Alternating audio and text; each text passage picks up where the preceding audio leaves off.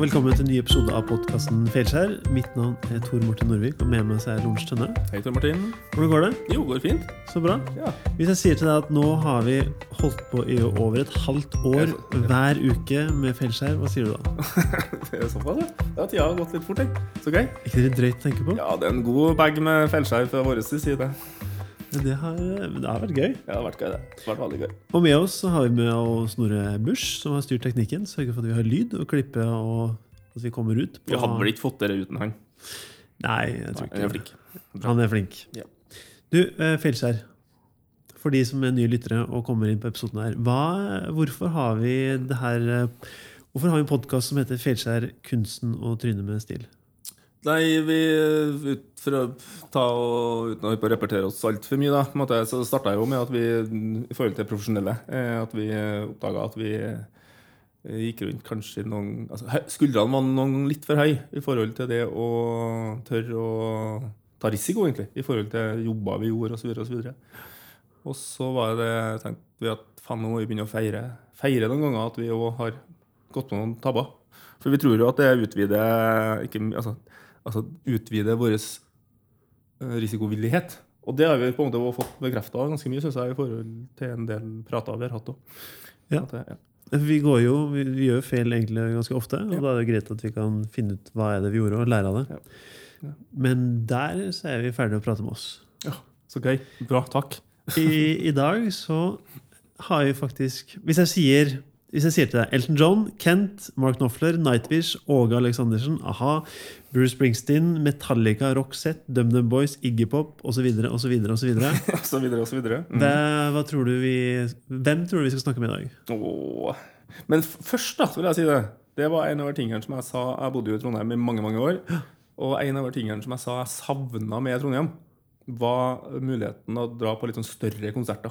Eh, Da elska jeg å ta flyet til Oslo en eh, onsdag og dra på en konsert. Det var en, var en av de tingene som jeg virkelig savna. Det med muligheten til det. Og nå så savnes ikke det lenger i Nei. Trondheim for dem som bor i Trondheim. Kanskje en grunn til at en burde flytte tilbake. Ja. Ja, ikke Men her må det jo være en arrangør.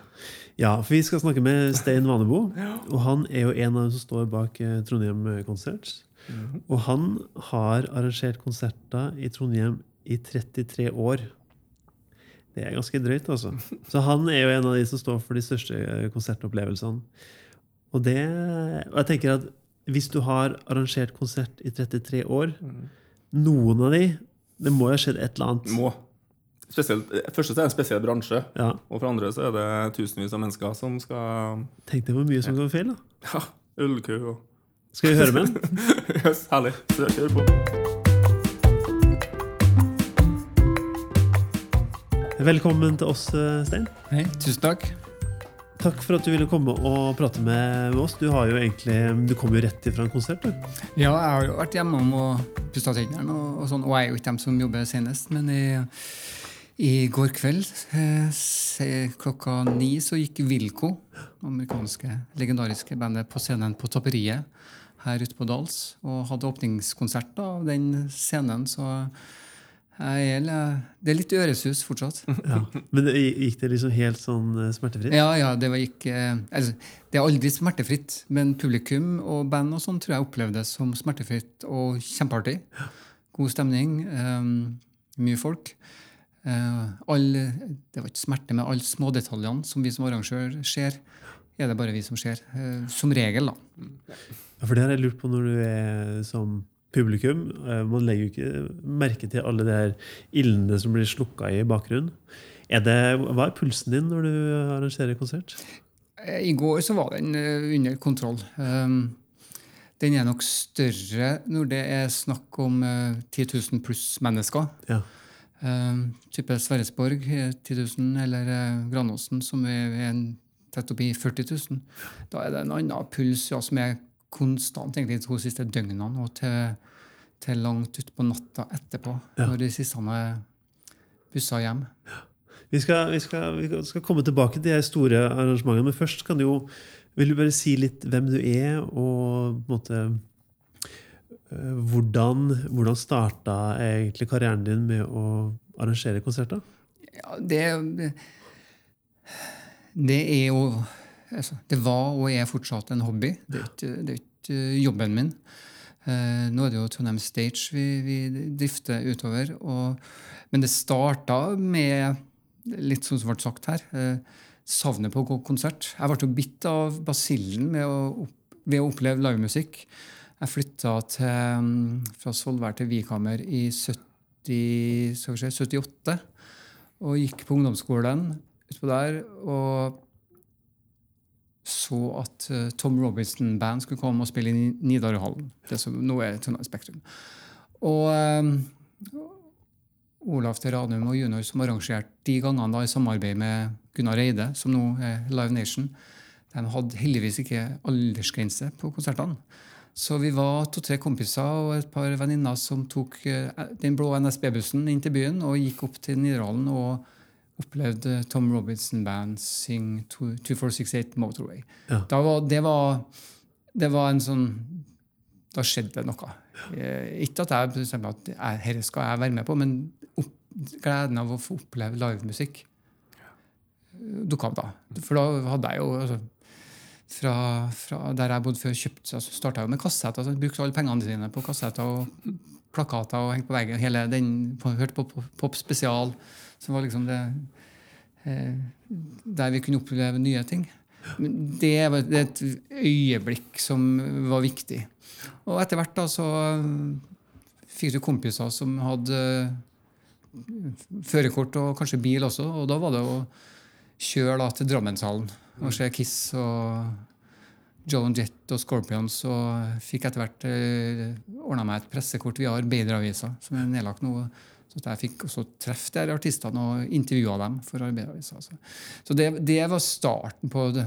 Det vi snakker om nå, det er jo musikk, men live, da. Mm. Ja. Eh, musikkinteressen har jo vært der bestandig, egentlig, fra jeg kan huske.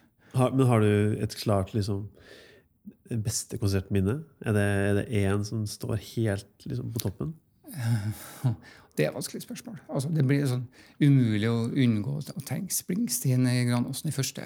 Når han kommer ut og gliser i regnet og synger 'Who'll Stop the Rain', og så slutter det å regne. Eller ja, Rainmakers i samfunnet. Det, det, det er fire, fem, seks som er sånn sterk, men det, det, er litt sånn når, når, jeg får spørsmålet, så hender jeg skifte svar. Ja. Så det, det, det, er litt sånn vanskelig. Men, men, spørsmålet ditt var jo egentlig hvordan jeg kom inn i dette her. Uh, jeg som andre ordna meg jo falskert også, uh, og snek meg inn på bodegaen og så Straw Dogs i bodegaen når jeg var 17 år, med den gang da Gilly Hunter på, på vokal, og visste at uh, trommeslageren jobba med mora mi på Rotvoll. Og uh, fikk mase meg til å få lov til å gå ut og selge plata deres på Nordre. Um, etter hvert så kom jeg meg inn på det heta de gangene, Ritz, tror jeg, eller Skansen. Og begynte å komme kom, altså, Jeg visste hvem som drev plassen, og begynte å snakke med den innimellom. Og så, ja, jeg vet ikke, jeg tok det andre, så i 86-ish så starta vi Trondheim Live Forum. David Green, som den gangen da drev uh, Ritz og etter hvert Rosenhall Teater som konsertscene. Og Inge Løvstad, Igor og Marianne Ovesen og meg. Ja. Da starta vi eh, en sånn ideell forening og arrangerte konserter. Ja, antagelig hundrevis. Alt fra fra Magnum og Rainmakers til norske ting. Og gikk mye på trynet. gikk mye på trynet, men så bra. Men eh, Hvorfor er det så gøy å arrangere konserter? Nei, Det, var, det starta jo med altså, Jeg tror det var David som sa for jeg sa, kan du prøve å få tak i det. Ja, gjør det sjøl, da. Og det, altså, Alle som drømmer om å få konserter. Jeg skal jo ikke begynne å arrangere konserter, det men det, to, det, var en av spirene mine. Og så hadde jeg jo ja, rukket å blitt 18. Eh, bodde på hybel noen år på, på Øya.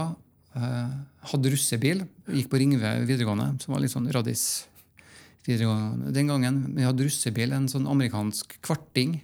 Militærbil fra 1942 med vedovn baki og sånn som vi kjøpte. og jeg vet ikke, altså. På en annen måte så fikk jeg snakka med eierne av eh, Hollywood Gatsby, som da var stort sånn diskotek, nattklubb og også musikkscene. Roger Halsam, som nå driver Egon, som folk sikkert har hørt om. Han sponsa russe, russebilen med reklame. Ja. Eh, For å gjøre den historien litt kort, da. Russetida var jo russetid. En av oss treene som eide bilen, kjørte. Det var ikke meg, men eh, vi solgte jo den russebilen etterpå.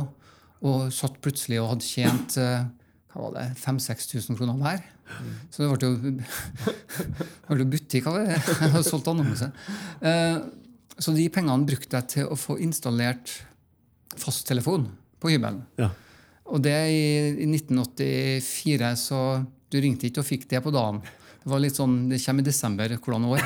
Men det, det kom nå i hvert fall. I løpet av kort tid så hadde jeg relativt kort tid, så hadde jeg fasttelefon som 18-åring. Og, så begynte jeg å begynte jeg å jobbe litt mer for arbeideravisa i forhold til å skrive anmeldelser reise rundt og sånn. Så begynte jeg som annonseselger og alt mulig rart. Av at jeg hadde telefon, så hadde jeg på en måte et eh, arbeidsverktøy da, til å holde på med. Ja. Og når vi begynte å drive altså, Herre er før mobilen, som da etter hvert kom og var 25 kilo. Så, så det å ha fasttelefon var en stor ting. Folk som er litt yngre, vil jo ikke skjønne det her, men, eh, men det ga en sånn da hadde jeg det, Så da ble jeg bindeleddet på en del av greiene på når vi arrangerte konserter. Men brukte du den fasttelefonen til å booke artister? Ja, til alt mulig rart. Og prøve å skaffe sponsorer og hele det der. Og ringe til folk til å være med og jobbe litt frivillig og sånne ting. Det å ha telefon, Ja, det, ja, det vi tar for gitt, det er en kjempe, var en kjempe Det er kanskje det smarteste jeg har gjort. Det er å bruke de pengene på fasttelefonen istedenfor å ta meg en eh, avslutningsfest. Altså. Så um, Nå Husker husker du- ikke jeg spørsmålet. Ja, men nå er Husker du første bookingen da? du gjorde med Nei, det husker ikke jeg. Det, jeg har prøvd å, men jeg husker første utsolgten vi hadde. Ja. For jeg hadde i tillegg jeg, Det var morsomt, men jo fortsatt et feilskjær. Jeg er ferdig på Ringve. Uh, hadde relativt bra artium, så jeg um, kom inn der jeg søkte. Ja. Grunn, altså forberedende pluss uh, uh, grunnfag psykologi. Samtidig begynte jeg i nærradio. eh, holdt på å arrangere konserter. Og eh, ja, det gikk jo ikke opp, så jeg slutta jo på studiene. Fortsetta med nærradio og hadde ekstra jobb i platebutikk. Og i den platebutikken så solgte vi jo selvfølgelig også konsertbillettene. Så jeg husker øyeblikket vi, Jeg husker ikke når vi booka Stan Ridgway, men det, vi booka han før han ble, altså fra Wall of Voodoo, før han slo gjennom med kamuflasje. Og det hadde gått litt under radaren, og vi hadde, hadde 400-500 billetter på Ritz. da, jeg husker ikke helt det. Og dette var på Drugstore platebar, det som er en del av Trondheim Torg nå. Og vi solgte ut eh, alle billettene på første formiddagen. Og jeg skjønte ikke, jeg, visste ikke hva jeg skulle gjøre engang. Så jeg, jeg må ringe en David. Og han køddet og slengte den på røret. Engelskmann. Sånn. Så kort lunte innimellom. Og. Det øyeblikket husker jeg. Eh, Men det Star Ridgeway var ikke første bookinga, men det var første utsolgt. Den følelsen kjenner jeg. Og det er jo, som arrangør så er det vel det det beste følelsen i verden. Det å vite at du er i mål sånn med billettsalg. Det, det skjer sjelden, men eh, Den følelsen får du fortsatt? Hvis du, ja, ja, den får jeg fortsatt. Det er, for da er på en måte eh, en viktig del av jobben som har vært min da, underveis på å arrangere, eh, som er å promotere. Da er den biten ferdig med. Da kan du konsentrere deg om resten. Så, så den følelsen kjenner jeg fortsatt. Og den, eh, den, tar, den setter jeg like stor pris på nå som den gangen. For det, arbeidsro. på det? ja, ro, og så betyr det at ja, da har vi gjort noe rett, og at folk, eh, nok folk syns at det er Så det, det er og, og så begynte jeg jo midt oppi dette, vi solgte billetter til lokale ting, så, så begynte en, eh, Lars Olufsen, som jobba med en Stina Wikan, Dømnemor, så kan ikke du selge billetter til oss, for vi skal ha konsert der og der. og sånn. Så da ble den platebutikken ble en liten sånn hub da, i byen. Ja. Eh, og så spredde det ryktet seg videre til Gunnar Eide, da, som var altså, dagens Live Nation. Så, og det har jeg tenkt på i ettertid. De spurte kan dere selge billetter til Rolling Stones og det var Pink Floyd på Valle Hovin.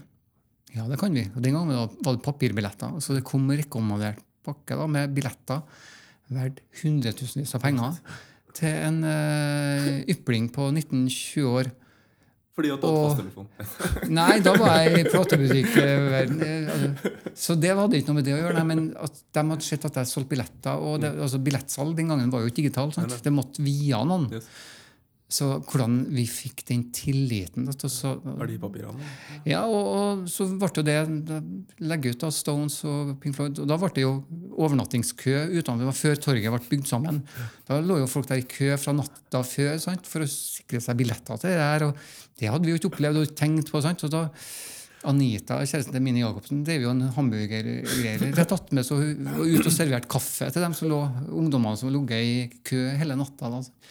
Så da fikk vi jo en sånn connection inn mot Gunnar Eide da, og Rune Lem, som eh, fortsatt i dag altså, Det var han som ringte og fortalte eller spurte skal vi kjøre Springsteen. Så relasjonene og sånn altså, Alt er det er ikke feilskjær, men det er skjær. Du tar noen retninger hele tida. Det har vært underveis som har gjort at, eh, at eh, du bygger deg etter hvert sånn type relasjoner, og, det går mer bra enn dårlig. Da. Så, så igjen, nå husker ikke jeg hva du spurte om. Bra. Nei, men Da har du tydeligvis eh, gjort det riktig. Da. Du har holdt på ganske Ja. lenge nå. Ja, og det, Du spurte jobben, ja, egentlig. Eh, Men det har aldri vært jobben min eh, å arrangere konserter. og jeg er det fortsatt ikke i dag. Jeg, jeg jobba i platebutikk, da, som jeg fortalte, og så etter hvert så ble jo r- nærradioen kommersiell, så var jeg bitte lita stund innom der. og Hvilken radio var det? radio, Først Radio RV og Radio Konrad, som etter hvert ble Radio 1 og sånn, og da forsvant nå jeg ut. Og så begynte jeg å jobbe med ja, forskjellige andre ting og platebutikk. da, og, og så starta jeg etter hvert eh, sammen med Gunnar Hordvik, nå, som er død, og Søren Hjort, som den gangen var direktør i Olavshallen. Plateselskap i 92-93, Norske Gram, som etter hvert ble Norges største plateselskap. Du var med og starta det? Ja, Det var det var vi treene som starta det. 293 og gitt ut alt fra Åge og DD til Postgirobygget, den store eh, Oslo Gospelkur og alt, mulig stort og smått. Så. Og så, eh, For da var det en periode med små barn og bodde i Klæbu, lite konsertaktivitet. Og så begynte, begynte jeg på igjen etter hvert på hobbybasis da, sammen med Svein Bjørge. Og så etter hvert eh, ringte Rune igjen, da, Lem, og spurte kan ikke du slå deg sammen med dem i Trondheim Concerts her for noen år siden. Og så tok vi steget videre til å bli helårsarrangør i Trondheim Stage for ja, nå snart et år siden. Der vi har et årsverk, men det er ikke meg. Hva Men hva med, hvem er Trondheim Stage? Det er, Trondheim Stage det er Rødli. Burger, Burger Rødli og Mordashim og meg. som er, Vi treene var med i Trondheim Concerts. Så nå er det et mer hvilende. Vi gjør sammen Åge i Trondheim Konserts regi så lenge Åge vil være på Sarpsborg. Men så har vi eh, valgt å, å gjøre det i sånn helårsregi på den, eh, på den måten eh, vi gjør nå, da, der vi har en produsent som i går hadde ansvaret her nede på Wilco, og som kjører det som kalles advanced mot artister og management på alle de store og små konsertene. vi gjør. Vi skal, neste uke har vi Astrid S i Olavshallen. Så har vi John Mayer i Spektrum i oktober og Volbeat i november. og sånn. Så det, nå er det litt sånn ikke bare om eh, ikke bare Granåsen og Sverresborg som folk snakker og vet mye om. Vi arrangerer veldig mye som eh, småting som ikke får de største overskriftene, men som er en del av eh, Og det er Trondheim Stage? Som har, Trondheim Stage, ja. ja. Og Trondheim Concerts er da det store Det er Åge-konserten, det. Ja. Kun på, på Sverresborg. Og Live Nation er sin rolle i dette her da er, De er samarbeidspartneren til Trondheim Stage da, på internasjonalt uh, artister. Mens vi også gjør ting med norske artister og andre aktører. Men de er jo kall det innholdsleverandøren. da. Mm. Altså, De som kommer med John Mayer og Springsteen og eh, ja, Volbeat og alt det der. Det, Men har Live Nation opphav fra Trondheim? Er det du sier? Nei, Live Nei. Nation er egentlig et selskap som kjøpte Gunnar Eide, som var den store eh, konsertarrangøren på 70-80-tallet. Riktig. Sånn det. Så det, er, For det er jo amerikansk Live Nation. ja, er amerikansk. det er verdens største eh, konsertarrangør. Og, og Live Nation er jo Norges største konsertarrangør. De har, arrangerer vel en 300 konserter i året, tenker jeg. Der vi er da den uh, Trondheims-avdelinga for dem, mens en, eh, Frank Ness i Bergen Live er, kjører Bergen uh, for Live Nation, som sitter plassert i eh, Oslo. Kontoret i Oslo Spektrum. men var her i går og så at vi gjorde ting riktig, og bare hilsa på. Men er det utfordrende å få tak i storstjernene uten å være venn med Live Nation? Eller? Det ville jeg ikke ha gått i det hele tatt. Det, Det vi ringer ikke noen og spør du kan dere komme. Det er, De har, de, ringer monopol, oss. de, de har monopol på norske mark, eller på enkelte Nei, altså, de har monopol altså, De har den og den og den artisten. Ja, mens konkurrenten til Live Nation har f.eks. Rammstein, som vi ikke arrangerer i Granåsen. Så det er tre-fire internasjonale aktører der Live Nation nok er størst. Men der du på en måte du finner din eh, partner, da. Ja. så, så, så for eksempel, de hadde ikke da valgt dere? Nei. Nei, ikke Nei for da er dere er der, Ja. så de velger liksom flere der. Ja, det, det blir på en måte ja. at uh, For, for, at- relasjonen er så viktig i den bransjen. Ja, her, at det handler om relasjon og tillit og alt det der. handler om eh, å går langt tilbake i tid og sånn. Så det, Så handler det det om å ha et maskineri da, som funker og er smertefritt, og som når de, ja, sånn at velger nå alltid dem som er enklest å leke med. Ja, det, vi, så Jobben vår i forhold til Live Nation er å gjøre en bra jobb her. Sånn at de ikke får sure telefoner fra artist eller management. Og at vi selger nok billetter og har orden på systemene våre. Eh, så Sånn sett så er det jo altså, Trondheim er jo i en særstilling nå, for vi har så mye dyktige altså, Ramshire arrangeres jo av eh, gjengen bak Stereo og Festningen og Ja, de to Christian og Heidi fra gamle Trondheim Concert.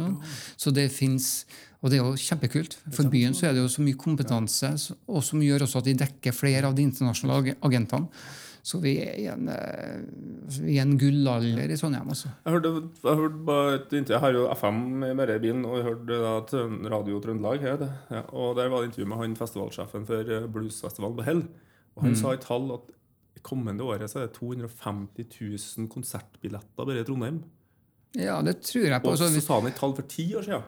Så var det, sånn, det var, altså, altså, sånn, Og bare det konkurransebildet der, sånn, altså, at det er 250 000 billetter som skal selges i eh, Trondheim det kommende året. ja, og han vet jo ikke om alt alt som kommer nei, heller. nei, nei, I sommer så har jo vi alene solgt over 100 000 i år.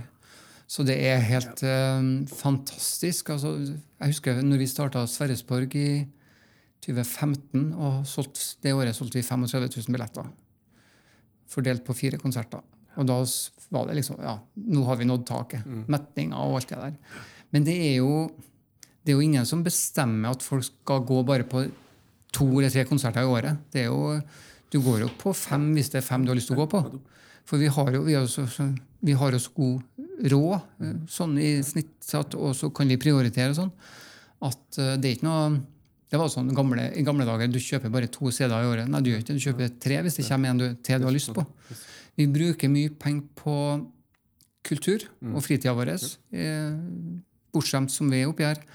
Og, og da er det veldig mange som liker å gå på konsert. Og da er det jo jobben vår ene å få artisten hit, men andre at konsertopplevelsen skal være god. Det er jo litt av kjepphestene til oss alle oppi, oppi alle vi arrangørene oppi her. At uh, det er viktig. At, uh, at det flyter. Men hvor mange, apropos flyt, for at, hvor mange mennesker var det på flokken oppe på Granåsen? Vi hadde på Metallica var det 39 000 pluss 1600 i jobb, så vi var 40, over 40 000 mennesker. Ja, jeg så det var et sånt kult perspektiv. Bare, for at det var, så var noen som hadde Det var liksom, litt, sånn, det var litt sånn støy rundt uh, logistikk. og sånt Der. Mm. Så jeg så en Facebook-post som jeg syntes var bare så fin. Det var um, I fem timer der, den og den kvelden så var Granåsen uh, 13. eller 14. største byen i Norge. Mm. Tromsø har 40 000 mennesker totalt. Liksom. Ja. Så sånn, på én kveld så var det da en by som var like, som var like mye mennesker som det er totalt i Tromsø by. Mm. Ja, dere, Og det, det er logistikken rundt det, infrastrukturen rundt det å samle så mye mennesker. Og det, det var et sånt perspektiv på det. at det, ja, dere spurte om pulsen min her i, i stad. Den var jo Og det, det er klart, det er jo, det er jo utfordrende. For um, vi hadde jo vi hadde jo en teknisk greie som gjorde at det var ølkø i 40 minutter. Og da blir jo uh, 17 stykker i hvert fall blir jo sur og pepre og med meldinger og sånn. Og det, uh, så, det, det var jo synd, men det gikk jo bra. Man, uh, man berger seg, liksom det. Og så var det noen som syntes det var lang tid å stå i busskø i en time og 50 minutter. Og det skjønner jeg også. hvis du... eh, jeg har jo vært på mye konserter rundt omkring i Europa og i verden. Og, og jeg er ikke ukjent med at det kan ta to-tre timer på å komme seg ut. Eh, De store arenaene rundt omkring de stenger jo det offentlige nettet helt nærmest, sånn at du må gå en kilometer eller to for å komme til nærmeste buss eller taxi. eller sånn. Vi, eh, vi begynte jo med, eh, under Springsteen med å kjøre folk i skjøttelbusser helt fram til arenaen, fram til grusplassen, sånn at du kunne gå 100 meter, så var du inn. Eh, for å sette et sånn bilde på det. For jeg, jeg, tok til meg kritikken etter hvert ved at folk syntes det var lang tid. da, Men vi flytta altså 28 570 mennesker med buss på 1 time og 50 minutter og fikk dem ned til byen. Så det gikk en buss, fullasta buss hvert 4 minutter og 50 sekunder. Um, jeg ser det er mye diskusjon rundt AtB og sånn. Altså, Dere gjorde den bedre jobb. vi var, eh, nei, altså, vi, vi, var, vi syntes vi var flinke, men det var noen som ikke syntes det. Og det, det, må vi jo ta til oss. Alternativet vårt det er å sette, få- sette pågangen på bussen bort på Flatåsen isteden. Men da blir jo kanskje det feil òg, for da må de jo gå 500-600 meter. Så det er sånn eh, Konstruktiv kritikk er glimrende. Det er det som gjør oss flinkere. Men hvordan Granåsen er plassert i terrenget, og sånn, det kan vi ikke gjøre noe med. Men vi ser hele tida på hva kan vi gjøre annerledes neste gang. For vi skal jo tilbake til Granåsen. Men om vi gjør det annerledes, eller sånn, det vet ikke jeg. Og det som skjedde med den eh, ølkøen det, vi, vi har jo oversiktsbilder fra hele konserten under hele tida.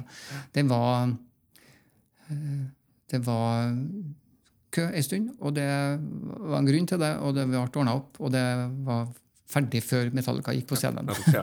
Men eh, eh, da var det temperatur en stund, og jeg fikk mye pepper etterpå. På grunn av det. Men det, det er en del av eh, det er en del av gamet, og det må jeg bare det må jeg tåle. Hvis ikke må jeg finne på noe annet. Ja. Ja, ja, Det er jo en fin bro, for vi har jo lurt deg med på denne podkasten Fjellskjær.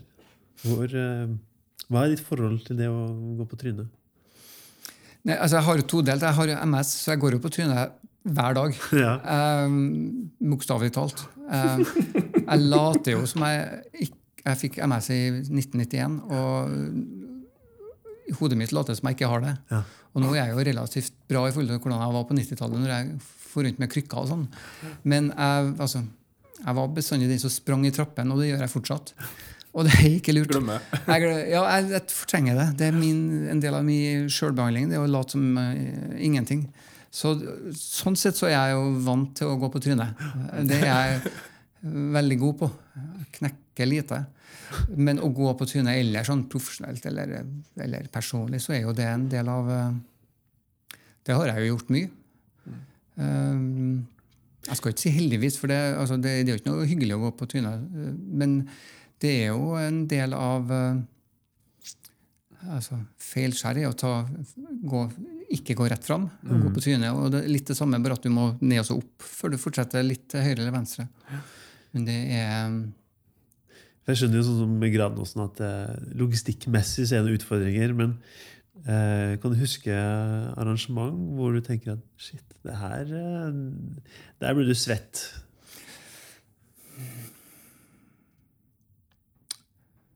Det er jo cocky hvis jeg sier nei, men jeg kommer ikke på noe. Eh, Det, det, er underveis i arrangement så har det vært. Eh, eh, det var førstekonserten på De to første konsertene som var fredag og lørdag i, på Sarpsborg, da hadde vi liksom holdt på i Borggården med 5000 mennesker. Og 5000 mennesker, det er mye mennesker. Det er mye folk. Og syntes det var tøft og krevende. Um, da, de to første, da var det spesielt på Roxette i starten der, da var det også en periode da det var litt eh, Vi hadde et par tilfeller med, med altså Det som er fint altså Det vi har unngått, ta det først, da, det er slåssing og sånn ubehag på konsertene. Det, det er Politiet sier det er helt fantastisk. Vi har Trondheim Rocks med 19 000 mennesker og, som du og, og er litt sånn rockere. Altså. Ikke en slåsskamp og ikke en sånn, sånn type bortvisning på fyll og sånn, men, men hvis vi, merk, vi merka litt type hvordan skal, jeg hvordan skal jeg forklare det? da? Altså, Spenningen i lufta kan, hvis den kan være litt uggen. Litt sånn som jeg får det hvis jeg tuller meg bort og er utenfor Oslo City. Så, synes, så får jeg litt høye skuldre og syns det er litt ugreit, og jeg vet ikke hvorfor. Eh, Det har jeg opplevd, eh, opplevd jeg kanskje spesielt på i Set-konserten tidlig. Og du tidlig. kjenner at det ligger bare Ja, det er et annet her. sånn, ja, Men så ordna det seg. Eh, når, eh, når eh, bandet gikk på scenen. Og, og det, var sånn, det var litt sånn nytt for publikum. Veldig mange hadde aldri vært på store konserter før. Det var ølkø, det var litt sånn, og folk kom med pynta i, i stillethæler og oppi skråningen. Nedi liksom, altså, Folk hadde, var ikke kledd. For, alt sånt. Da var det en sånn men det var, har aldri vært en ordentlig ugreie. Vi hadde et, et tilfelle under Robbie som vi fikk på øret, som i ettertid kom ut, og sånn, som var Oi, er det noe? Men så var det ikke noe eh, likevel. Eh, sånne ting som ikke jeg kan snakke så mye om, da, men det, det, har, vært, men det har aldri vært noe som har gått galt ut, annet enn uh, sure folk pga. kø eller sånne ting. Det har ikke vært. Og det, det tror jeg jeg må hånda på hjertet si, ja, faktisk. Også. Det har aldri gått galt. Det er jo det som gir, gjør den der som Når jeg får spørsmål dagene før, det er jo det jeg, det jeg er mest redd for at det skal skje noe. Som ikke eh, altså Psykiatri, f.eks. Eh, det kan jo skje. eh, overalt. Det, men vi har, vi har et veldig veldig godt samarbeid med et godt vaktselskap og med politi. Og vi skanner og har oversikt over Så det Bank i bordet. Det, det er ting som er, ligger i bakhodet mitt. Altså. Men jeg har aldri ikke noe som jeg Da ville du Det er så stort, så da ville du ha lest om. Ja, ikke sant? Det er sånn Du kan ikke gjemme bort, men det er sånn, ting som under nesten gjør at vi er veldig på. Men så men tenk, Du kjenner jo en del av sånn arrangører og konsert- og festivalarrangører. Og sånn. så det er ikke- det er noe med DNA-et. da. Det er sånne, sånne som nok, da. Som det at spenningsnivået i kroppen bare øker og øker og øker mot arrangementet. Og så finner dere da på en måte prestasjonssonen deres. Det er at dere er klar til å ta imot hva som helst. For at det må gjøres, det. Sånn at det er akkurat som dere sitter og bare venter på at det skal skje småting, Ja. og så tar vi unna, tar vi unna, tar vi unna. Og det er en del av gamet. Det er også bare ta unna ting og ta avgjørelser. bare tsk, gjøre sånn og sånn. Og, så, ja. og det er, sånn, det er ikke helt sånn spesielt. Det er sånn, noen av dem syns jeg kanskje kan oppfattes nesten som lat i en måneds tid før. Og så bare ser bare hvor spenningsnivået kommer opp. Og så finn, finn denne sonen. Det det, er- det er som å være idrettsutøver eh, mot eh, en fotballkamp mot et eh, lag. Du kan ha verdens dårligste treningsøkt måned tre uker før 14 dager før i dårlig testløp, og så kommer så finner de sonen. på en måte. Og det, jeg tror derfor jeg ikke identifiserer at det går noe på trynet heller, for at det er så forberedt på at det skal Det er en del av gamet. Det er at det kommer ting hele tida. Ja, Det er en veldig bra beskrivelse. for, eh, for eh, altså når du, altså I går på, så åpna vi tapperiet for første gang i forhold til å selge billetter. Altså, da er det først hva, hva Sverresborg har vi gjort noen ganger, og sist nå så vi jo tre konserter på rad. og da husker jeg, altså, Dette jo fint, Her går fint. Så.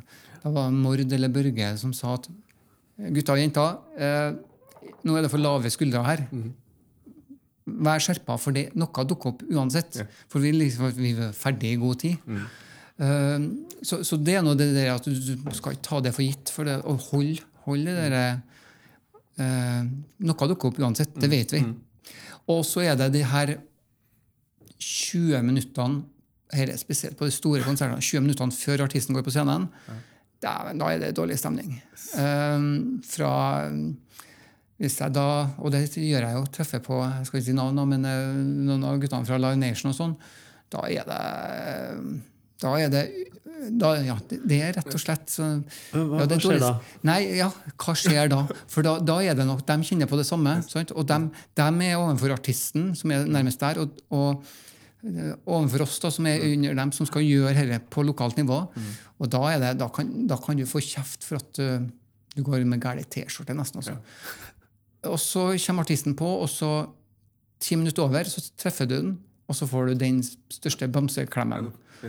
Så dere tror jeg er noe med adrenalin og dere, du, altså det er prestasjonsbiten som ikke vi altså Startskuddet går jo egentlig når artisten går på, men da er på en måte veldig mye av den biten gjort igjen. Yes. Og så er det en annen fase da, det er av eh, stafetten, kan du si.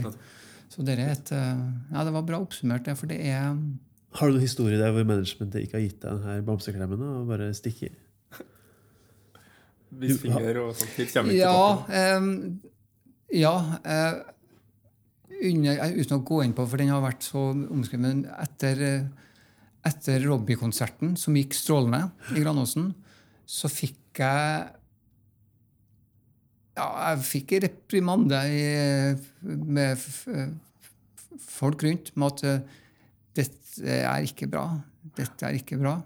I forhold til en situasjon eh, som vi var litt sånn eh, ikke hadde helt, eh, ikke hadde helt eh, kontroll på. Eh, på grunn av at vi, ikke- hadde rettighetene i forhold til å ta kontroll på det. Da fikk jeg skikkelig kjeft etter konserten.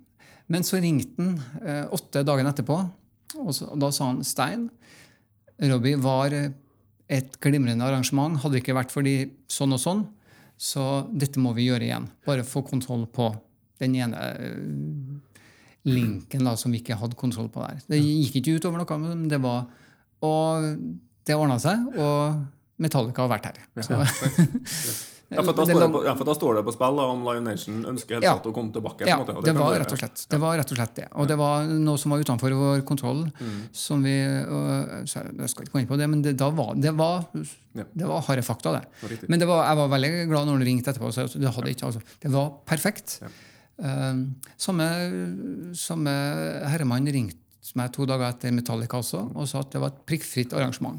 Dere eh, ølkø litt sånn, og at buss Det er, det er på en måte 40 000 mennesker. Det, det hadde ikke noe med eh, Det var et eh, bra arrangement. Når du Hvor lenge siden Robbie var her? 17. Ja. Så det var fortsatt, da, selv om det ble noen år tilbake. Så, men var det dere ikke hadde kontroll på, var det en del av det at vi trønderne ikke fortsatt Vi var ikke helt- helt vant til store arrangement ennå? Ja, jeg vet ikke. Altså, det, var en, det var en konkret situasjon i forhold til, i forhold til eh, et sikkerhets, sikkerhetsaspekt som var litt sånn utenfor vår kontroll. Så eh, det er Ingen gjorde det med bad intention, men det skjedde. Ja. Og det skulle ikke ha skjedd. Um, det var sendt varsler og sånne ting. Men det, så jeg, altså, i ettertid så velger jeg å si at det var et sånn hendig uhell. Men det var mm, veldig ubehagelig der og da. Og mange lærte mye av det. Ja, Og så eh, har det ordna seg. Ja, Og vi har hatt eh, Metallica etterpå. Rammstein kommer neste år. og eh, ikke, altså, Vi kan komme med en artist Granåsen neste år, og det kan godt skje. Så, så Det det, å skje, det. det ja, vi håper jo det. Vi håper hele tida. Telefonen min eh, følger jeg med. Så Nei da. Det, men det er sånn uh, uh, Sånn du må takle, da. Men det, det er jo vanskelig når det er ting som skjer som du ikke kan gjøre noe med. Det, det er jo ubehagelig. All- Ingen mennesker liker å være i den. Det er å få, litt, litt sånn å få juling med hendene på ryggen. Det er um, i stort og smått. Men samtidig så er jo det en del alle opplever hele tida. At det er ting du skulle ha gjort noe med, men får ikke gjort noe med det. Men du vet du burde ha. Men du, likevel så får du ikke til. Hvordan opererer dere når du skal liksom booke inn de her verdensartistene? På det største nivået så er det rett og slett ikke eh, altså Da er det samtale, som, en telefon som kommer fra han jeg har snakka med, eller et par av de andre på, på toppen i Lion Nation, som ringer og sier hva tror du om sånn og sånn, data dato sånn og sånn, og så eh, må jeg enten svare med en gang, eller så får jeg en halvtime til å konferere med de andre. Og så må jeg sjekke ut at den og den arenaen er ledig, og sånne ting. Alt det, på Springsteen så hadde vi jo 70 minutter på å selvfølgelig si ja, men på å finne ut om Granåsen var ledig på den aktuelle perioden. Og det var den ikke, så da måtte jeg jo prøve å finne ut hvem som hadde leid Granåsen for den perioden, og snakke med dem og kjøpe dem ut for å få alt innenfor 70 minutter. Det, er- det, er det, er det er en ganske kjent historie, det, da, men det, det ordna seg med fem minutts eh, margin. Eh, Ja, da står du og venter på Da velger en eh, Stockholm i stedet? Eller, Ja, det var, et, det var mellom eh, Trondheim og husker, en tysk by. Mm. Eh, Det var en åpning der plutselig. Eh, og da turneen var i gang, eh, Springsteen og E Street og sånn, hadde funnet ut vi tar ikke den fridagen. Vi, vi har den datoen ledig. Eh, hvor kan vi? Hva passer i forhold til rutinga? Det var Trondheim eller en tysk by i forhold til hvor de var dagen før. For de, de største produksjonene, Det er jo tre identiske produksjoner på veien hele tida. Så mens de står i Trondheim og spiller, så er det én sceneproduksjon som er på vei ned en plass. Når Metallica sto i Granåsen, så var det en produksjon i Moskva som var på vei opp. Så de har tre identiske For det tar jo dagevis å bygge Yes. det her. Så, altså, Så altså, det er tre sett, på en måte, tre scener som feirer Ja, identiske. Og. Ja. Eh, og så har du en sånn reservescener som vi fikk egentlig på Robbie var jo ikke storscenen, men det var ikke tida nok, da. Men de hadde tidsmessig nok til å komme seg hit. Med de, de i hvert fall 40 trailerne osv. Så, videre. så fikk vi scene fra andreplass. plass. Så, så på Springsteen var det, var det 70 minutter. Metallica, har, som spilte nå 13. juli, har vi visst siden oktober 17. Ja. Så det, Hvordan klarer du å gå ut og holde på den hemmeligheten? ja, det er vanskelig. Altså. Men er det sånn at ingen eh, du, du forteller vel til noen? Ja, noen må jo vite. Altså, noen i forhold til grunneier, altså noen på, i Trondheim kommune må få vite. I forhold til Granåsen og politi og brann. altså, Nøkkelfolk må jo få vite. For at eh, Og vi har jo vi har jo ikke frivillige. Vi bruker jo idrettslag på dugnad og sånn, men vi, til det offisielt ut, i gjerne en europalansering, som er som regel med flere navn, byer som slippes samtidig, så må det ikke ut offentlig. Så det er eh, Har du mista noen store artister? Enten fordi at eh, du måtte løse på en halvtime, eller det var bare ikke vi, eh, Ja, vi, Springsteen mista vi to ganger før vi traff. Ja. På at vi ikke eh, klarte å svare opp og hadde arena på plass Mm. tidsnok. Um, nei, én gang. Én gang. Da var det, mista vi pga. det. Den andre gangen var pga. Um, andre årsaker, faktisk. Så, så Springsteen har vært jeg tror, jeg har tre runder med Springsteen før det endelig ble. Så det um, når, hvor, hvor står du igjen når han går på scenen? Da står jeg Da sto jeg på enden av eh, jeg, For jeg har jo på sommeren, så jeg vet jo når den eh, kommer. Da stilte jeg meg eh, på ganske langt ned på arenaen på denne sida for å se den fra avstand. Ja. Og det var bevisst på Springsteen, for da hadde vi nettopp vært og sett den i Edinburgh for å treffe crewet og sånn i forkant. Gå litt på sånn, Bli kjent med dem som kommer oppover. Eh, Så jeg husker, husker liksom smilet på når han kom på scenen. Og, for han, han syntes det er så kult. han- elsker å komme opp på nye plasser. da. Så jeg stilte meg der jeg visste at jeg kunne se ham på nært hold på storskjerm. Uh, Uttrykket hans når han kom inn og ser publikummet og ser hoppbakken. Uh, så jeg sto uh, attmed det gamle langrennsbygget som er revet nå. Hva sier om Trondheim og Trøndelag? Ja, de er, altså, alle syns det er helt fantastisk å være her. Og eh, spesielt eh, Sverresborg og, og Granåsen er jo så mye det er jo så, De er jo vant til å spille på fotballstadioner mye. Eller store, kjedelige arenaer i forhold.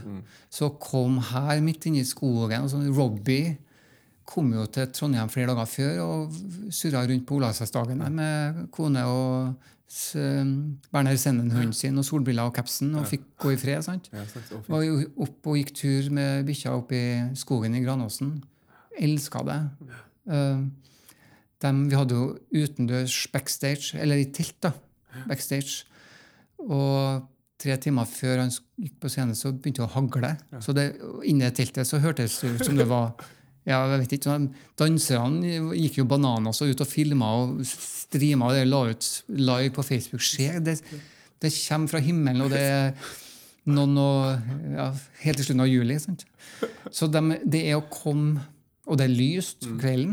sant? Det tar jo bort litt av magien i forhold til lys, altså effektene, men samtidig så, for dem så er det jo Å se publikum og ja, Hvordan får dere til å sove? og sånn, sånn, som vanlig sånn turist. Men de har jo aldri vært så langt nord. Nei. Så det, og det at de kan eh, gå i fred og slippe det, eh, det altså, de, altså, de, de er jo ikke altså, Fansen de liker jo ikke Men det å kunne gå uten å bare skrive autografer, Ja. det er jo Forskjell det på Trondheim og Tokyo. det ser jeg for meg. ja, det er det. det er, altså, vi, kan, vi vanlige dødelige kan ikke forestille oss hvordan det er å ikke kunne bevege seg en meter uten, å, uten å bli kikka på. Men, eh, men det, det setter de pris på. Så det, det gjelder, det gjelder altså, Elton John var jo her to dager. Da var det utsolgt. Først da så kom han jo en halvtime før konsert. Dagen etter så skulle han komme opp til Sverresborg i Vi venta han i halv åtte-tida, tror jeg. Men han kom opp i plutselig så sto han der bare halv fire-fire-tida. Så han ville være der isteden. Blir du starstruck, eller?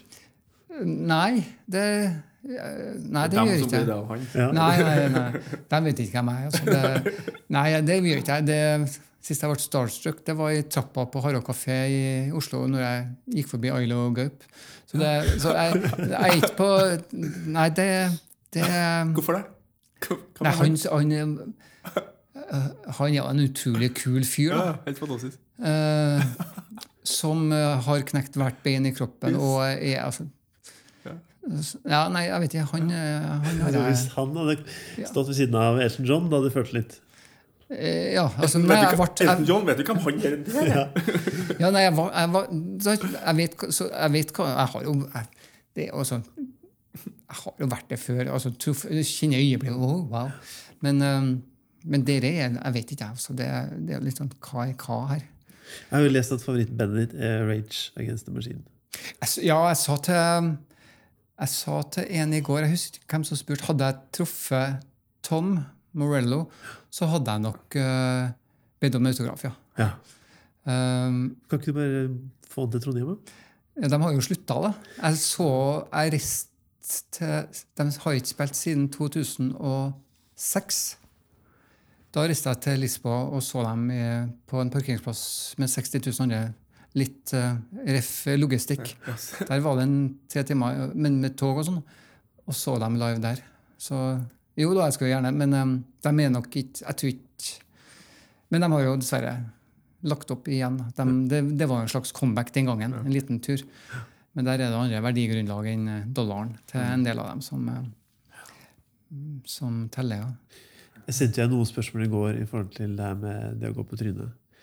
Og hvor, eh, hvor jeg spurte hva er liksom grunnen til at du har noen feilskjær, hvor du sier at, eh, at det er en, rett og slett en dårlig kombinasjon av å være naiv og utålmodig. Ja. Hva, hva ligger du i det? Jeg er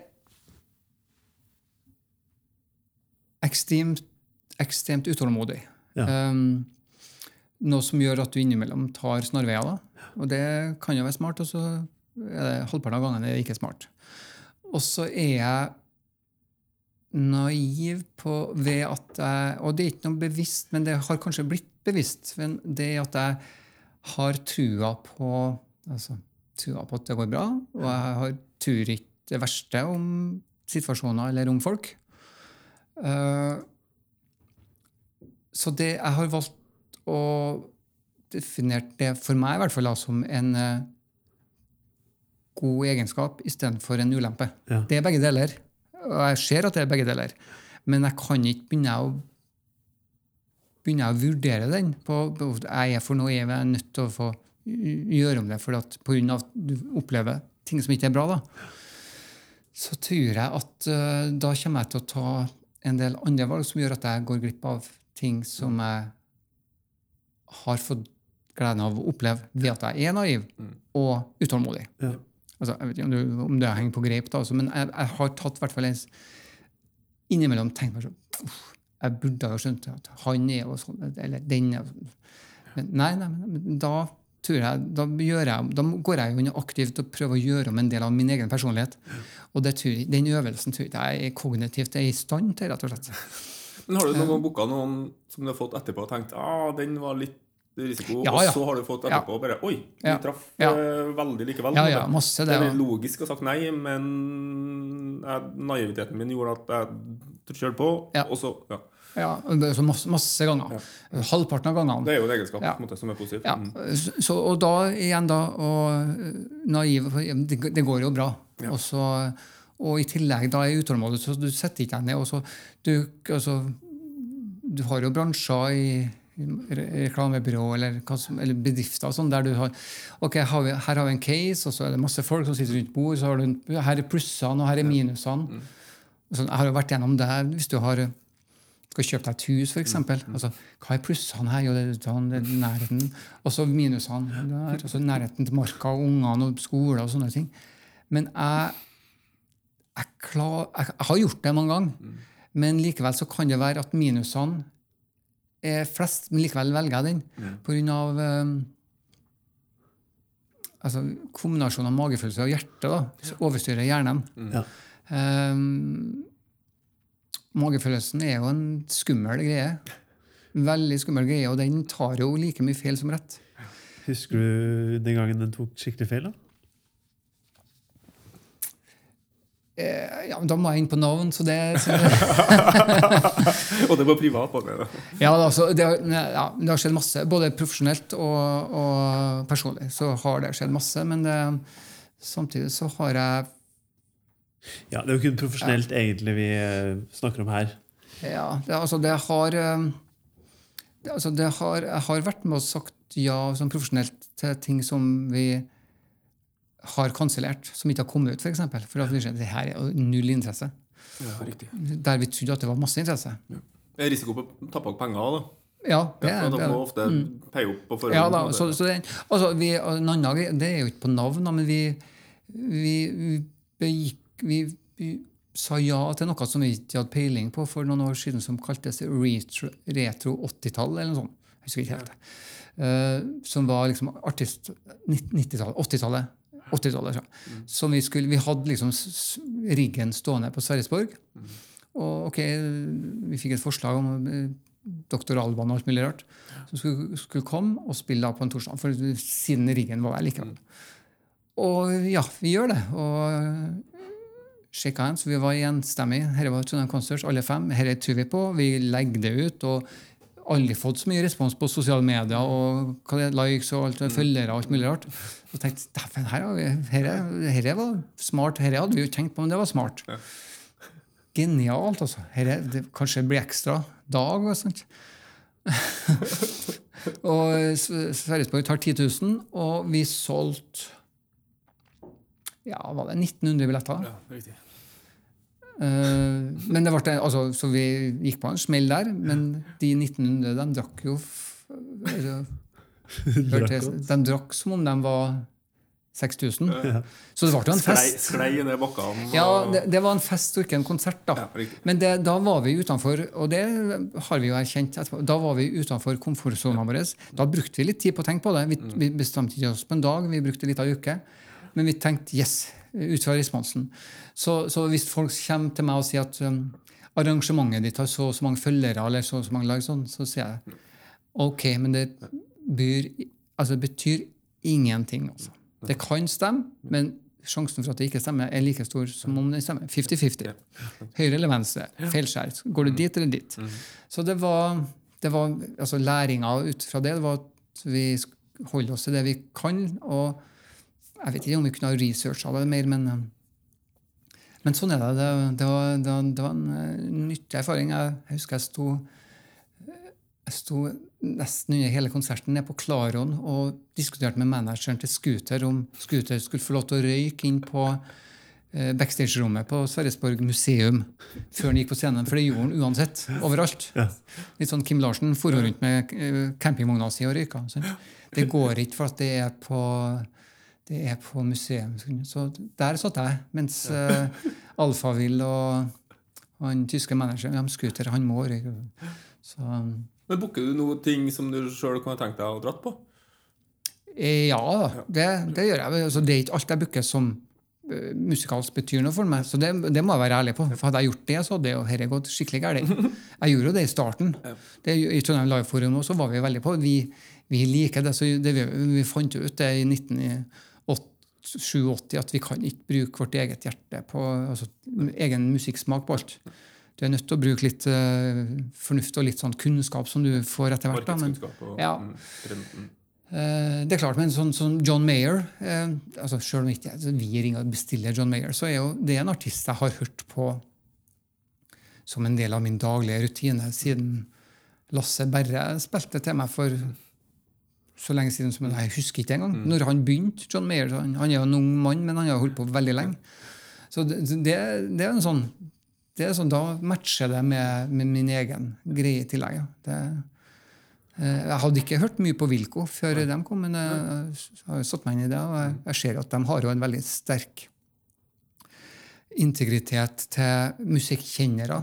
Yes. Det var flere av mine kjenninger som var i går. Og det var, ja, det var dem som fer på konserter. Ja, og, så- og, som, så det, så det, og så er det noe som du ikke har noe som helst forhold til. Men det, det er jo en Selv om det, jeg sier at det er en hobby, det høres jo litt sånn tåpelig ut med, med sånn Vi som holder på med omsetning på, på over 100 millioner i året. Så, så men det er, det er en jobb som skal gjøres. Selv om jobben min til daglig er å så jeg jobber med eh, MGP Junior. Har gjort det i 17 år. Det er liksom Ja. det er dagjobben min. Som Der, der har jeg ansvaret for innspilling av altså det, musikken, innspillinga og utgivelsen. Og, altså ikke TV-sendinga, TV-sendinga, men det, musikken. og Audition med ungene og, og oppfølging og alt, alt der. da. Så det har jeg gjort i 17 år. Jeg har vært med, var med og starta det. Og, ja, det er artig, for der er det ti nye av vi, at- var det 1800 som sendte inn eh, demo til, til NRK i fjor. da. Ti nye ungdommer fra 8, 9 til 15 år. Sant? Det, det er på en måte altså, det høres flott ut å si at det er givende, men det er, det er skikkelig artig. For de er uredde og er ikke formaferdig ferdig på noe som helst måte og har skrevet en sang som kanskje ikke er ordentlig ferdig engang, og kommer på audition, og der sitter jo vi med produsenter og direktører i NRK og alt mulig rart og står foran oss og synger. Og det er ikke Idol, da, så det er ikke noe sånn hammer ned, eller sånn, men for, for alle, alle som har kommet så langt, er vinnere. Det er, det er liksom det som er Det må være litt gøy, da, for da, det betyr at du møter dem helt i starten av sin karriere. Sånn som da hadde jo Hva heter de? Marcus og Martinius? Ja, for du hadde jo da de i, ja, Ja, Og så har du også booka de her i Trondheim senere.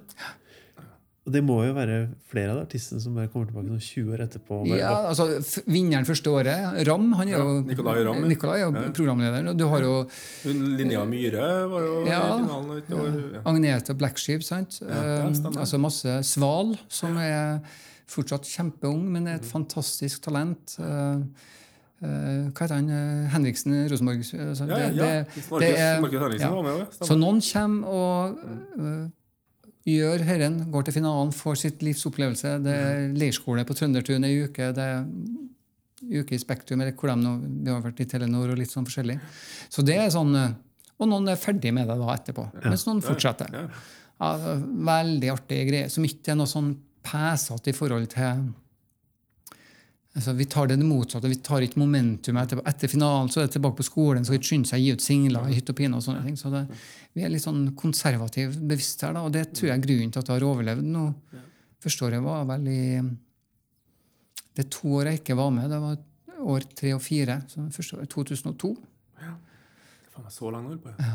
Det er et Fantastisk arrangement. egentlig. Ja, det er blitt eh, en bauta til NRK deres, all, all ære til dem at de gir ungene på en lørdagskveld så stor eh, plass. da. Ja. Og dette systemet rundt, da, som jeg oppfatter at det er som motpolen litt til sånn eh, Stikk motsatt. Idol osv. Så, videre, så at det er viktig er Ja, det står i avtalen at man skal ikke liksom ut og åpne La dem kjøpes, få være kjøpesenter. kongene og dronningene i skolegården eh, på Ja. mandagen etterpå, framfor det å være klistra på Ja. senkveld. Ja. Og så er det noen som blomstrer. Markus Martin Sval og sånn. Og det, Det er jo, men men det er er avhengig av maskineriet rundt dem. eh, Ja, ofte, og, og deres eget eh, altså, Sval sitt talent ville ha vært der uansett. Ja. Så du skal ikke legge for mye i det heller, da. men det er, jo- det er noen opplevelse, da, og så får jo noen sjekka ut det. Og, og, nei, det, det er morsomt. Altså. Det, Vi har et sånn avsluttende spørsmål som vi stiller til alle sammen. Og det er jo hva er ditt neste potensielle feilskjær? det er hvis jeg får en telefon eh, om en time, eller har kommet etterpå nå, og jeg ringer og svarer ja eller nei. Ja. Den skikkelse maskinen skal ha revet igjen. Ja, nei, men det, det er altså den telefonen på altså, Nå snakker jeg i jobb, da. Den telefonen kommer når du minst venter det. Og uh, vi skal jo, som sagt, da nå er det, uh, Akkurat nå er det torsdag, vi har hatt Wilco. Uh, neste onsdag, tirsdag eller onsdag klokka ti så skal vi lansere neste Trondheim Spektrum-konsert, som er i januar om da, i 2020. Uh, men neste telefon kan gjelde en Granåsen eller en Spektrum-konsert i 2021.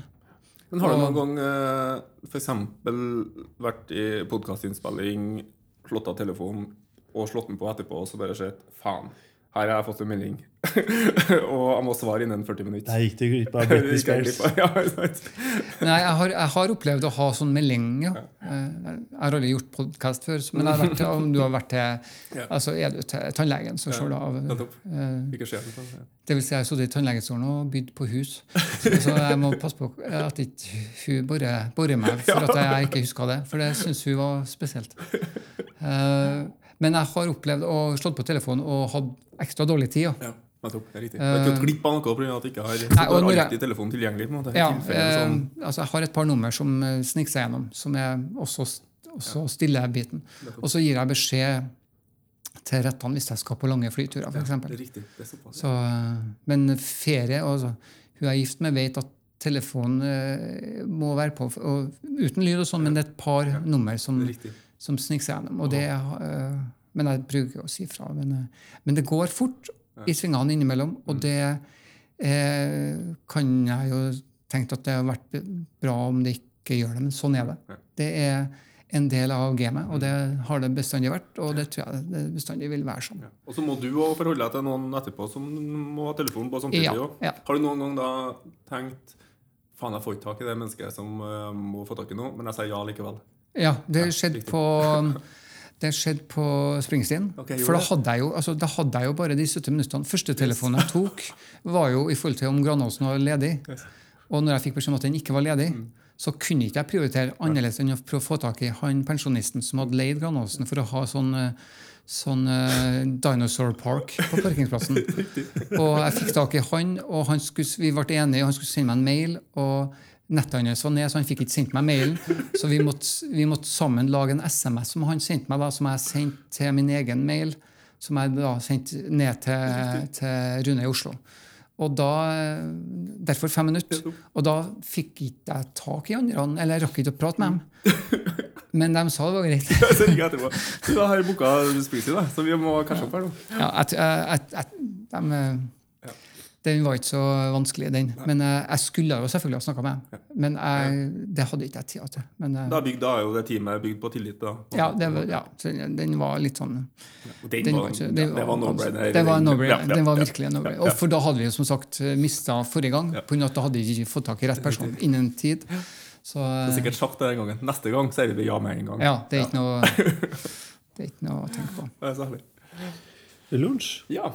Hva eh, sitter du igjen med du, da, etter å ha prata med Stein? Jo, masse. Jeg syns det var en kjempe For at det er mm, superinteressant det å få litt sånn dykk inn i det her indre livet i denne her, eh, eh, verden her. Eh, men i forhold til feilskjær så syns jeg det er veldig interessant det der med prestasjons... Du snakka om det med at en eh, at enkelte har det DNA-et med at den går går inn i en sånn sone.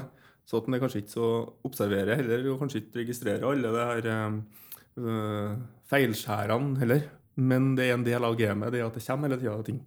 Så det med å gå inn i sånn, sånn prestasjonssoner, eh, det er ganske sånn Og så sa han at han var utålmodig og naiv, men ut, litt Kanskje sammenligning med en sånn som en bare Egil Egil Hegerberg, du snakka med han. Det er at neste altså, det er, altså, Tvert han har gjort noe, så var neste prosjekt. Og det er nok litt i verden her at han, når han allerede har arrangert, så sitter han og vet nå hva som skal komme om ett og to år og om halvår, som ikke vi. Så kanskje det er da kanskje allerede er det inn i neste, neste, neste. Og når han vet at han skal skal noe neste gang, så kan han jo bruke kveldsskjærene i nuet som læring til neste gang, i stedet for at det gikk til helvete. Så jeg tror det er noe sånn læring i forhold til mye av det vi holder på med. at den, eh, ja, la, Det er jævla viktig det vi holder på med nå, men hvis en da tenker òg framover, så er det lettere å tenke læring på den holder på med nå. Så jeg syns det var en eh, fin eh, Ja, eh, det har vært en veldig fin prat, syns jeg. Enn du? Jo, jeg tenker Det å arrangere en konsert er egentlig et kontrollert feilskjær. Du starter først med en liste på 1000 ting som kan gå galt, og så huker det av for ting som bare går bra.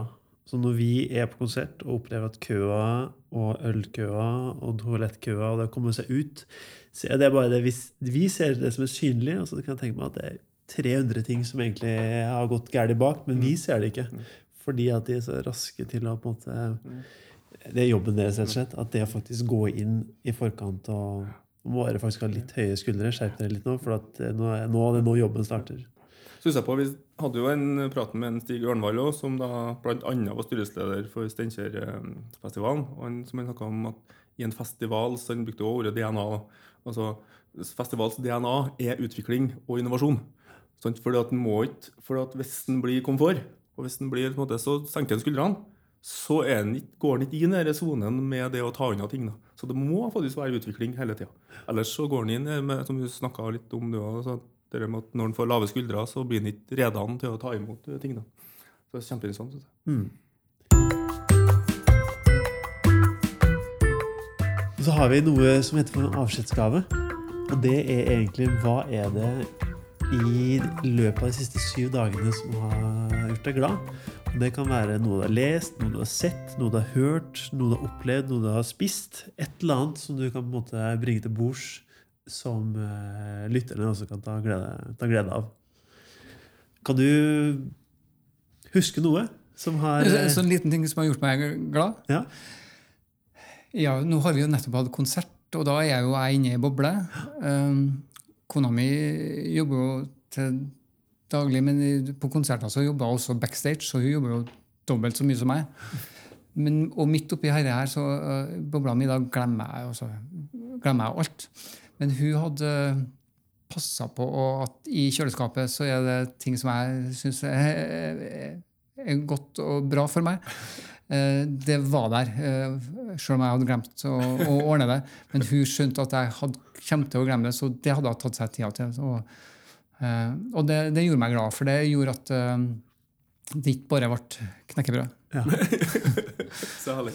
Ja, men det er veldig fint med en, en oppmerksomhet. Ja, det var, det var Du har lunsj? Uh, jeg kjører meg på serieløpet. Ja. Uh, Framvandrerne. Ja. Be Foreigners på HBO. Uh, ja Et eller annet gjør meg litt stolt over å være norsk. Det er en fantastisk spennende serie. Bare fire episoder som har kommet ut. Men det, det sier ja, jeg tror det Lost var sist gang jeg satt og gledde meg liksom, til at det nå skal komme ut en ny episode. Liksom. Så den var, det er å, fantastisk fin serie. Og aktuell som bare det. Og andre, ja, tingene som var, ja, andre tingene som var også kjempeaktuelt, syns jeg, om dagene, det er i disse valgtider. Eh, Valget er vel ferdig kanskje når det kommer ut, men nye sangen til en eh, Rasmus og verdens beste band. Eh, nå husker jeg ikke hva det er, men om de er sånn som oss, eller hva det er for noe. Synes det var det. Herjer litt med bergenserne. Yes. Mm. Men det handler vel om noe helt annet, Ja. egentlig. Ja, Så ny, fantastisk. nydelig sang. Ja, Fantastisk fyr. fint. Fantastisk artist. Ja, vi var heldige å ha han i podkasten her en stund tilbake. Var veldig fin kar. Så bra. Det er fint. Du, det er en kjempeliten ting, og det er egentlig noe som kommer. Men det er, jeg har sett traileren til Jokeren, Uh, og det er en film som kommer. Det skal liksom være backstory til han Jokeren. Ja, ja. Den har vært nå eh, i filmfestivalen i Venezia, og så ser man at det er begynt å bli mye anmeldelser. Mm. Og det er liksom terningkast seks. Masse seksere blitt kasta, masse tiere for de som har den skalaen. Og det er, uh, er 18-årsgrense, og det er rått, og det er brutalt, og det skal visst være helt Det er Jackin Phoenix som spiller. Ja. Så han eh, Folk har kanskje sett eh, med Heat Ledger, og han mm. tok jo kvelden etterpå.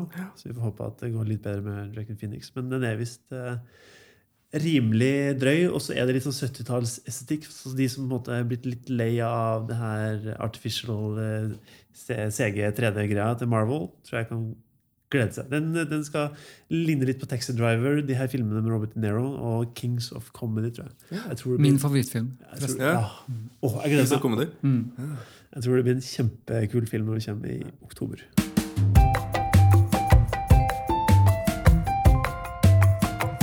Tusen takk til de som har lytta på, på oss så langt. Og nok en gang, Stein, takk for at du ville komme og prate med oss. Takk for invitasjonen.